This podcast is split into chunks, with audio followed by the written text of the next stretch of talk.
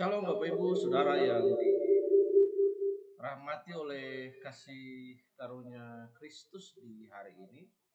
Kita hari ini akan belajar satu topik tentang memahami uh, waktu Allah dan kedaulatan Allah di dalam kehidupan kita. Nah, mari Bapak Ibu Saudara yang dirahmati oleh kasih karunia Kristus di hari ini kita melakukan doa dulu sebelum kita belajar topik ini bersama-sama. Mari tunduk kepala Bapak Ibu dan uh, kita berdoa dan bersyukur untuk kasih karunia Tuhan. Bapak kami bersyukur untuk hari ini kami bisa belajar bersama-sama dari satu topik dari pengkhotbah pasal yang ketiga ayat yang ke-15. Kami meminta Roh Kudus untuk menolong kami sehingga kami dapat belajar dari kebenaran praktis malam hari ini dan juga uh, spiritual discernment kami. Kami belajar untuk memahami kehendakmu, apa yang engkau mau Tuhan dekat season Tuhan di tengah-tengah pandemic COVID in all of us still facing the pandemic. COVID COVID God still facing problems struggle and circumstance. But we try how to understand what your willingness Tuhan in this era in this moment. Kami bersyukur Roh Kudus memberikan inspirasi bagi kami karena kami percaya bahwa iman timbul oleh pendengaran dan pendengaran akan firman. Tolong semua kami yang mendengar, yang memberitakan Tuhan boleh sama-sama belajar dan diberkati. Kami bersyukur dan dan mau duduk diam tenang dan belajar bersama-sama. Kami berdoa dan mengucap syukur di dalam nama Yesus. Haleluya. Amin. Nah, Bapak Ibu Saudara yang dirahmati oleh kasih karunia Kristus di hari ini pembacaan kita terambil dari uh, dalam pengkhotbah pengkhotbah pasal yang ketiga ayat yang ke 15 Bapak Ibu Saudara yang diberkati oleh kasih karunia Tuhan.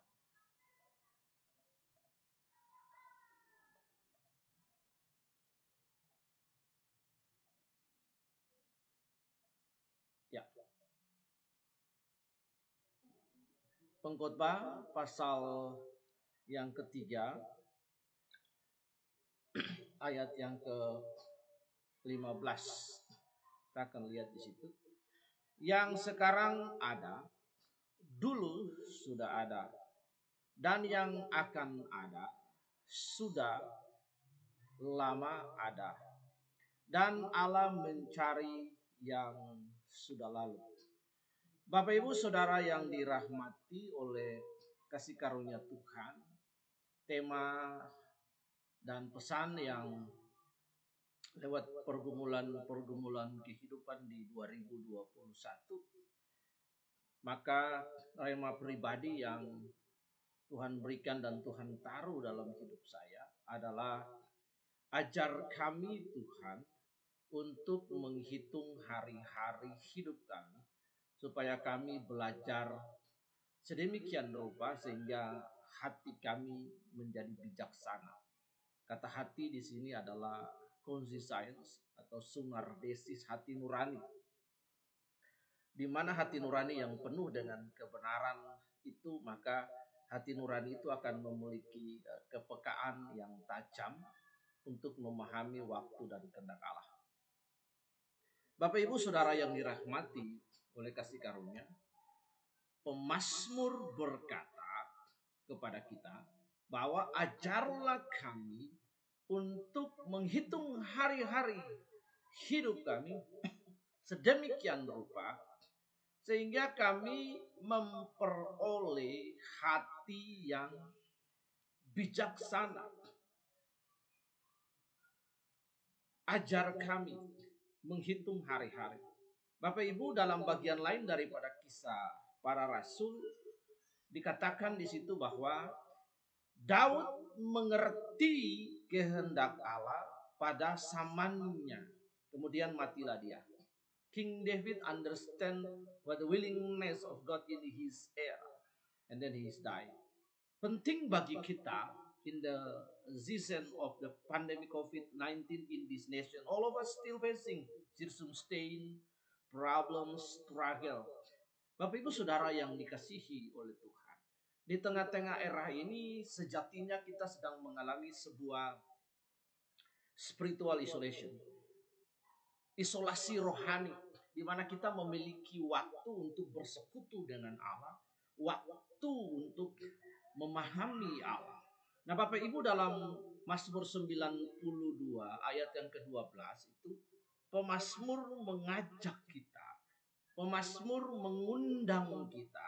Ada sebuah divine invitation for all of us in this era, in this day, in this moment, in the pandemic season. Bapak Ibu Saudara, pemazmur berkata, mengajak kita, mari ajarlah kami, us, oh Lord, bagaimana untuk menghitung hari-hari hidup kita sedemikian rupa sehingga setiap kita memperoleh hati yang bijaksana, hati nurani yang bijaksana yang mengenal Allah, to know about God. Bapak Ibu kita belajar dulu dari ajar kami untuk menghitung hari-hari hidup kita. Bapak Ibu kata menghitung hari-hari ini maka ada tiga jenis waktu. Yang pertama tiga tiga jenis waktu. Yang pertama ada kita belajar uh, waktu itu disebut pertama hora. Hora itu uh, describe menjelaskan tentang uh, jam, menit, kemudian detik, kemudian ada day, ada week, week maksudnya week, kemudian ada month, kemudian ada year, kemudian ada centuries, lalu kemudian kekekalan. Bapak Ibu Saudara yang dikasih oleh Tuhan Yesus, Allah Allah itu tidak terikat oleh waktu. Allah ada di dalam waktu dan sekaligus ada di luar waktu. Waktu itu terjadi ketika manusia jatuh ke dalam dosa maka waktu itu tercipta. Bapak Ibu Saudara yang dikasihi oleh Tuhan. Bapak Ibu yang dikasihi oleh Tuhan, kita dapat melihat kemudian waktu yang berikut adalah waktu yang uh, berikut itu adalah kronos. Bapak perhatikan. Kronos itu menggambarkan sebuah urutan kejadian dan peristiwa yang kita kenal dengan kronologis. Nah, kata kronolog, kronos kronologis ini lebih kepada sesuatu yang negatif dalam hidup Bapak Ibu kalau kita perhatikan di dalam urutan kejadian waktu manusia sering kali terjadi misalnya perampokan, pembunuhan, kecelakaan dan lain sebagainya. Maka kata kronologis ini sering kali melekat kepada hal-hal tersebut, misalnya kronologis pembunuhan, kronologis perampokan, kronologis kematian, kronologis kebakaran, dan lain sebagainya. Nah, karena itu pemasur mengajak kita supaya waktu hora itu, waktu hora itu menit, detik, jam, bulan, month, year. Bapak Ibu yang dikasih oleh Tuhan, hal-hal yang kronologis itu tidak ada dalam waktu hora tadi. Tapi ada waktu, menit, jam, dan detik itu ada dalam sebuah momentum yang Allah buat bagi kita yang disebut the God's time atau kairos.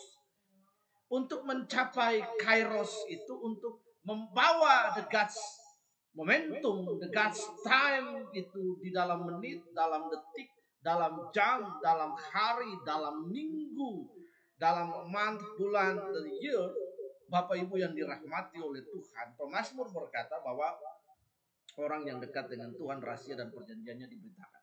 Karena itu pemazmur mengajak kita, ajarlah kami Tuhan untuk menghitung hari-hari hidup kami sehingga hati kami memperoleh kebijaksanaan. Bapak Ibu yang dirahmati oleh Tuhan dalam kis dalam Efesus pasal yang pertama ayat yang ke-15 sampai 17. Di situ Paulus berdoa kepada gereja di Efesus. Aku berdoa kepada Allah supaya kamu diberikan pengetahuan, revelation dan hikmat pewahyuan untuk mengenal Allah dengan benar. Karena sampai pada waktu itu tingkat kedewasaan, tingkat maturity, Tuhan as a Christian in the Church of Ephesus, mereka belum sampai kepada taraf itu. Karena itu Paulus berdoa supaya mereka memiliki spiritual discernment yang baik untuk memahami hanya orang-orang yang memiliki kedekatan dan intimasi dan keintiman dengan Allah yang dapat memahami musim-musimnya Allah, yang dapat memahami kehendak Allah. Itulah sebabnya kisah Rasul berkata, Raja Daud dan Daud melakukan kehendak Allah pada zamannya dan kemudian matilah ia. Hari ini Bapak Ibu yang dirahmati oleh kasih karunia Tuhan, all of us, all entire the world still facing the pandemic COVID. Oke, mari kita berdoa. Let's pray and next to God. What your plan? What your willingness? Untuk kita pada era ini. Dengan demikian kita dapat memahami memahami apa yang Allah buat. Sejarah yang ilahi, the divine history itu terjadi dalam waktu kita, dalam detik, menit, dan jam. Hal-hal yang kairos itu terjadi dalam hidup kita. Nah, jangan sampai hal-hal yang buruk, yang negatif itu terjadi dalam urutan kronologis peristiwa hidup. Karena itu mari kita mengundang Allah. Dengan cara kita memahami apa yang Tuhan buat. Bapak Ibu yang dirahmati oleh kasih karunia Tuhan. Manusia mencoba untuk meneropong masa depan. Tapi mereka belum pernah sampai ke masa depan. Manusia mencoba untuk meneropong masa depan. They try to make a predictable about the future. Tapi mereka belum sampai kepada masa depan itu. Bapak Ibu yang dirahmati oleh kasih karunia berbeda dengan apa yang dipahami oleh Alkitab yang kita baca. Di sini dikatakan Allah mencari yang sudah lalu. God looking and serve for the past. Bapak Ibu, ini sesuatu yang bertolak belakang yang sebuah nomor. Sini Allah mencari sesuatu yang sudah lalu. Bapak Ibu perhatikan di sini Allah adalah kekekalan. Jika kita berbicara tentang kekekalan, kekekalan tidak pernah dapat dijelaskan karena kekekalan itu adalah pribadi Allah. Kaya Alfa. Bapak Ibu Saudara yang dirahmati oleh kasih karunia Allah. Untuk itu pentingnya bagi kita memahami hal ini. Di dalam masa-masa pandemi COVID ini kita belajar untuk tinggal dalam sebuah isolasi rohani yang Allah izinkan bagi kita. Di dalam setiap momentum sejarah, dalam setiap era dan setiap musim dan waktu, Allah selalu berbicara lewat satu dan dua peristiwa dalam kehidupan manusia. Tapi sering kali manusia tidak memahaminya. Hari ini kita dapat membaca Bapak Ibu Saudara yang dirahmati oleh kasih karunia Tuhan dari dalam kitab Mazmur pasal yang kedua itu menjelaskan hal ini dengan baik sekali. Mengapa rusuh bangsa-bangsa, mengapa suku-suku bangsa mereka mereka perkara yang sia-sia. Raja-raja dunia bersiap dan para pembesar bermufakat melawan Tuhan dan yang diurapi. Marilah kita yang memutuskan belenggu-belenggu dan membuang tali-tali mereka daripada kita. Dia yang bersemayam di sorga tertawa. Tuhan mengolok-olok mereka. Maka ia maka berkatalah ia kepada mereka dalam mukanya dan menyutan mereka dalam kehangatan amarahnya. Bapak Ibu yang dikasih oleh Tuhan. Di tengah-tengah pandemi Covid ini kita masuk dalam sebuah isolasi yang sampai hari ini pun manusia dan gereja belum memahami secara memadai, secara utuh what's the God plan. Mengapa Allah mengizinkan corona ini? Apakah corona ini mengubah saya? What's the God's plan in the midst of the pandemic of COVID-19. Apa rencana Allah? Lalu bagaimana saya melihat peluang, opportunity untuk melakukan kehendak Allah. Ini yang perlu kita lihat. Nah, kalau orang-orang yang memiliki keintiman dengan Allah, maka dia akan menangkap peristiwa COVID ini sebagai sebuah peristiwa di mana Allah me- me- me- Allah ingin memakai dan membuka paradigma dan mata kita untuk mengenali apa yang sementara dia buat pada era ini. Bapak Ibu, untuk memahami waktu dan kedaulatan Allah dalam hidup kita itu sangat penting sekali. Bapak Ibu Saudara yang dirahmati oleh Kristus Yesus, dalam pembacaan kita dalam pengkhotbah pasal ketiga ini kalau kita baca dari ayat di atas kita akan menemukan ada tujuh hal yang penting the seven things that's very important for us. Bapak Ibu, if we talk about the divine number, seven is the perfectly number in the Jews numeric. Bapak Ibu, kita melihat bahwa angka tujuh adalah angka yang paling penting. Seven is the important things in the Old Testament. The seven describe the divine number. Bapak Ibu yang dirahmati oleh kasih karunia. Ada tujuh hal penting yang disampaikan dalam pengkhotbah pasal yang ketiga kalau kita lihat dari atas. Tujuh hal penting dan itu diungkapkan dalam tujuh ayat.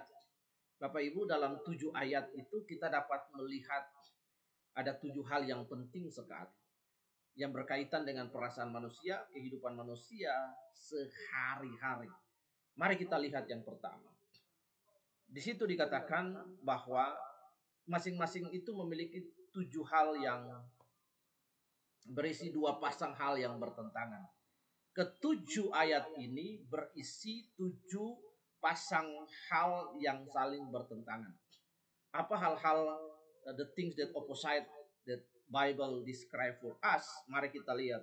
Yang pertama adalah lahir, kemudian meninggal, menanam, mencabut, membunuh, menyembuhkan, merombak, membangun, menangis, tertawa, meratap, menar, menari, membuang batu, mengumpulkan batu, memeluk, kemudian menahan diri, mencari, merugi, menyimpang, membuangnya, merobek, menjahit, berdiam diri, berbicara, mengasihi, membenci, perang, damai. Maksud daripada penulis pengkhotbah ini adalah semua kejadian dalam alam dan dalam hubungan dengan kita diatur dalam kekekalan dalam ritmenya Allah. Karena itu dalam ayat yang ke-15 Bapak Ibu Allah mencari God's looking God for the best Bapak Ibu. Artinya Allah itu Allah itu konsisten Bapak Ibu perhatikan. Allah itu konsisten. Apa yang sudah dia jadikan baik itu. Ketika Allah berkata Elohim, Asa, Amar, Selem. Dan kemudian dengan yang lain dia berkata tercipta, apakah berfirman Allah itu konsisten dari awal penciptaan sampai hari ini. Allah tidak pimplan, Allah tidak berubah. Sedikit pun dalam natur, dalam karyanya. Semua yang sudah dia kerjakan itu dipelihara.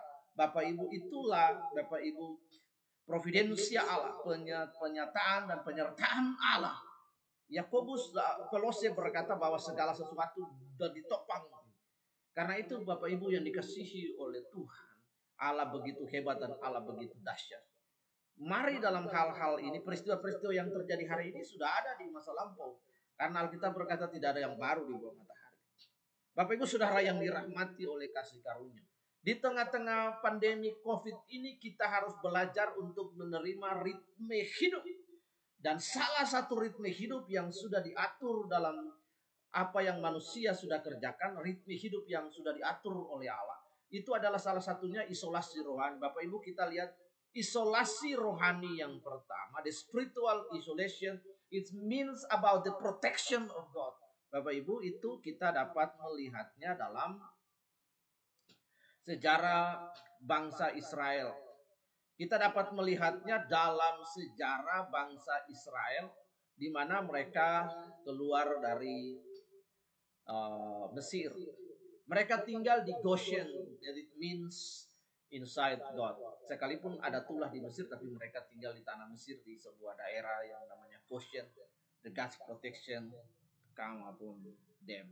Bapak Ibu Saudara yang dirahmati oleh kasih karunia Tuhan, di sini kita memahami bagaimana isolasi rohani itu terjadi.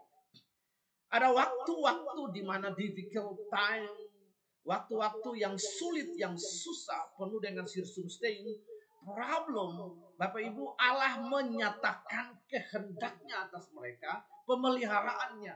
Karena itu umat itu harus mengerti the God's style, the God's will. Ini harus kita pahami dengan baik. Bapak Ibu, pemeliharaan Allah bagi mereka. Kemudian ada Esther dan Mordekai. Kemudian kita sampai kepada era di mana perjanjian baru Tuhan Yesus Kristus lahir dari zaman kita Malaki sampai Matius itu era ratusan tahun. Bapak Ibu tidak ada firman di situ. Itu adalah isolasi. Ketika Allah ingin berbuat sesuatu kepada umatnya ada isolasi-isolasi rohani. Nah kita lihat dari tengah-tengah pandemi COVID ini entahlah banyak orang punya prediksi. There's so many predictable. There's so many they make a prediction about the COVID-19. Ada yang bilang ini adalah konspirasi teori dan lain sebagainya. Illumination oke okay lah. Tetapi Bapak Ibu Allah berdaulat atas sejarah kehidupan manusia. Dia selalu memakai sebuah momentum untuk menyeberangkan apa yang dia mau. Dan hanya orang-orang yang seperti suku Isakar yang memiliki understanding dan pengertian untuk memahami kehendak Allah dan melakukan kehendak Allah pada zaman ini. Kalau kita memahami kehendak Allah pada era kita, pada era pandemi COVID ini dan menangkap the willingness of God to understand the will of God in our era and then kita melakukannya. Maka Alkitab berkata bahwa kita melakukan kehendak Allah pada era kita. Ini menjadi sesuatu yang berbeda. Kita akan menjadi orang yang berbeda, orang-orang yang memiliki understanding dan pengetahuan seperti gadis-gadis bijaksana dan gadis-gadis yang bodoh. Bapak Ibu Saudara yang dirahmati oleh kasih karunia Kristus, karena itu betapa pentingnya bagi kita untuk memahami hal ini dengan baik. Kita harus belajar Bapak Ibu untuk menerima ritme hidup. Bapak Ibu, kita juga harus belajar di sini untuk memahami kehendak Allah. Allah menciptakan manusia segambar dan serupa dengan kepada manusia diberikan pengertian dan akal dan mele untuk melebihi ciptaan yang lain. Juga dalam hal menikmati hidup ini. Nah Bapak Ibu sering kali, sering kali di dalam berbagai peristiwa-peristiwa hidup, all the humankind that cannot understand what God do for them. Nah ini yang kita pahami. Sometimes kita tidak dapat Allah tidak dapat dipahami. God does not make sense. Allah tidak dapat dipahami. Kita sering kali membuli Allah atas berbagai peristiwa yang terjadi dalam kehidupan kita. Seringkali kita hanya menerima sesuatu yang baik. Cara orang Israel memahami kasih Allah adalah ketiga mereka memahami kasih Allah entah itu pedang, marah bahaya dan penyakit sampai pada maut. Itu mereka pahami sebagai bentuk kasih Allah dalam kehidupan mereka. Ini yang harus kita pahami. Allah bekerja dalam segala hal untuk mendatangkan kebaikan bagi setiap kita yang mengasihi dia. Itu very important thing for us. Bapak Ibu yang dirahmati oleh kasih karunia Kristus Yesus. Haleluya. Bapak Ibu di sini karena itu kita perlu memahami kehendak Allah. Allah memberikan pengertian dan akal budi menciptakan lain juga dalam hal menikmati hidup ini justru dengan menyadari segala sesuatu dalam tangan Allah dan diatur sesuai dengan kehendaknya, maka kita mengakui ketergantungan kita kepada Allah. All of us, Bapak Ibu, semua kita diciptakan sebagai Allah, kita memiliki ke ketergantungan, kebergantungan kepada Allah. Depend on God. Karena itu dalam Mazmur 121 ayat 1 dan 2 firman Tuhan berkata, Aku melayangkan mataku ke gunung-gunung. Dari mana akan datang pertolonganku? Bahwa pertolonganku ialah datang daripada Tuhan yang menjadikan langit dan bumi. Ini absolut bagi kita. Alkitab berkata bahwa uh, tidak ada yang lain yang mengandalkan kekuatannya. Terkutuklah orang yang mengandalkan kekuatan Yeremia 17 ayat 5. Tapi diberkatilah orang yang mengandalkan Tuhan. Bapak Ibu yang dirahmati oleh kasih karunia Tuhan dalam hidup ini. Karena itu untuk memahami kendakala ini sangat penting bagi kita. Bapak Ibu, pernahkah kita berangan-angan sekiranya jika kita ingin memutar waktu kembali dulu tahun 90-an, 80 sampai 90-an di RCTI itu ada uh, sebuah film yang sering diputar pada jam tertentu. Itu berjudul Voyagers. Dengan sebuah jam tangan dia bisa memutar kembali sejarah. Dan dia ada dalam kembali ke sejarah itu dan kemudian dia bisa merubah detail dari sejarah itu. Itu film yang uh, bagaimana manusia mencoba untuk meneropong uh, kembali kepada masa lalu. Tapi sebenarnya manusia tidak bisa kembali kepada masa lalu. Karena jam kehidupan itu terus berputar ya. Saya merekomendasikan sebuah lagu pendeta Chris Manusama yang juga dinyanyikan oleh Chris ya bahwa jam kehidupan ini. Jam kehidupan kita hanya sekali diputar dan tak seorang pun dapat Bapak Ibu perhatikan dengan baik. Semua kita berangan-angan seandainya kita kembali dapat mengulangi waktu kita dan memperbaiki every detail about life. Tapi tidak pernah dan tidak bakalan bisa Bapak Ibu. Bapak Ibu perhatikan firman Tuhan dalam konteks bacaan Pengkhotbah 3:15 ini mengajar kita, mengingatkan kita bahwa untuk segala sesuatu ada masanya. Kata masa berbicara tentang suatu kurun waktu tertentu yang ada awal dan yang ada akhirnya. Bapak Ibu yang dikasihi oleh Tuhan, yang dimaksud dengan segala sesuatu dalam nas ini meliputi tiga hal penting yang kita baca. Yang tadi saya sudah jelaskan di awal tentang tujuh hal itu. Nah, Bapak Ibu di sini, Bapak Ibu di sini tujuh hal penting, hal segala sesuatu ini meliputi tiga hal. Ayat pertama sampai ayat 8 adalah kegiatan sehari-hari seperti kita menanam, mencabut, merombak, membangun, merobek, menjahit, mencari untung rugi. Itu adalah kegiatan sehari-hari. Yang kedua, kegiatan yang melibatkan perasaan seperti menangis, memeluk, tertawa, meratap, mengasihi, membenci, berbicara, dan berdiam diri. Itu hal-hal yang memiliki uh, yang berkaitan dengan perasaan manusia. Yang ketiga adalah peristiwa hidup kita kehidupan seperti lahir, meninggal, perang, damai. Ini sama. Bapak Ibu perhatikan dengan baik. Hal-hal inilah yang dialami oleh manusia pada umumnya. Orang-orang yang sudah tua dulu mereka juga mengalami poin yang ketiga ini apa perangan zaman PKI dan lain sebagainya. Bapak Ibu yang dikasih Tuhan karena itu sebagai orang bijak. Orang bijak menurut pada konteks-konteks nats ini adalah orang-orang yang mempercayai bahwa rancangan Rencana Allah adalah kehendaknya yang terbaik dalam tanda kutip. Terkadang itu sakit. Nah, sometimes kan God does not make sense. Allah tidak dapat dipahami oleh otak kita yang sebesar telapak tangan itu apel, buah apel. Kita tidak dapat memahami Allah. Bagaimana kita memahami Allah? Paulus berdoa, aku berdoa supaya kamu dipenuhi dengan roh dan hikmat untuk mengenal Allah dengan to know about the true God.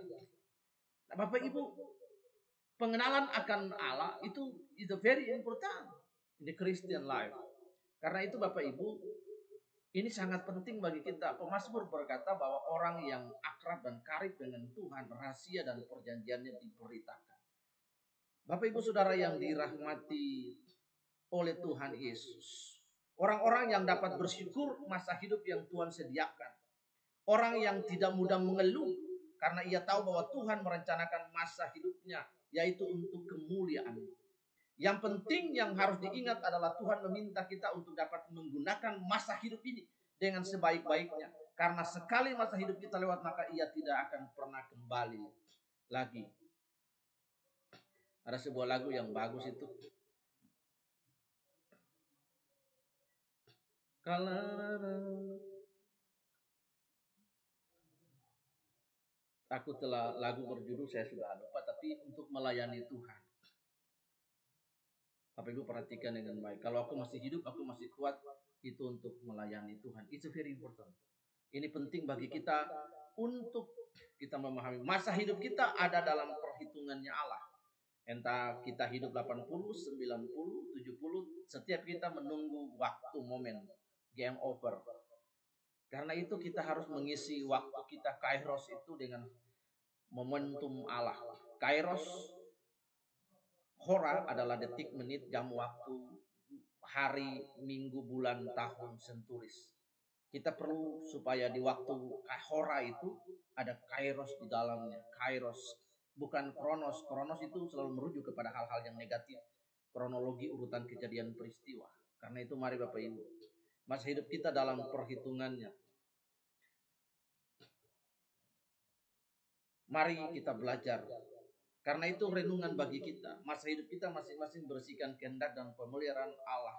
Oleh karena itu mari kita percayakan kepadanya. Mari tunduk kepala dan kita berdoa. Kami bersyukur di hari ini. Terima kasih Tuhan untuk kebenaran yang sudah memerdekakan kami. Kami percaya mentimbul oleh pendengaran dan pendengaran firman Tuhan. Tolong kami Tuhan supaya kami memahami kehendakmu dan waktumu, rencanamu di tengah-tengah pandemi COVID ini. Kami supaya kami tidak bodoh Tuhan. Kami tidak menjadi orang yang tolol dengan hidup ini pandemi COVID ini Tuhan apa apa yang kau mau dengan pandemi COVID ini untuk merubah sikap attitude dan karakter kami kami mengerti apa yang kau mau Tuhan isolasi rohani isolasi ilahi yang kau mau bagi kami tuh untuk dekat dengan Engkau Tuhan. Terima kasih Bapak. Kami berdoa berkati kami pekerjaan-pekerjaan kami dan lain sebagainya. Ini jadi momen untuk kami bisa menginjil orang lain. Berkati keluarga pekerjaan semua Tuhan makan minum kami kami percaya pemeliharaan Allah jauh melampaui segala akal dan pikiran untuk menolong kami Tuhan. Berikan kami kekuatan, berikan kami kesanggupan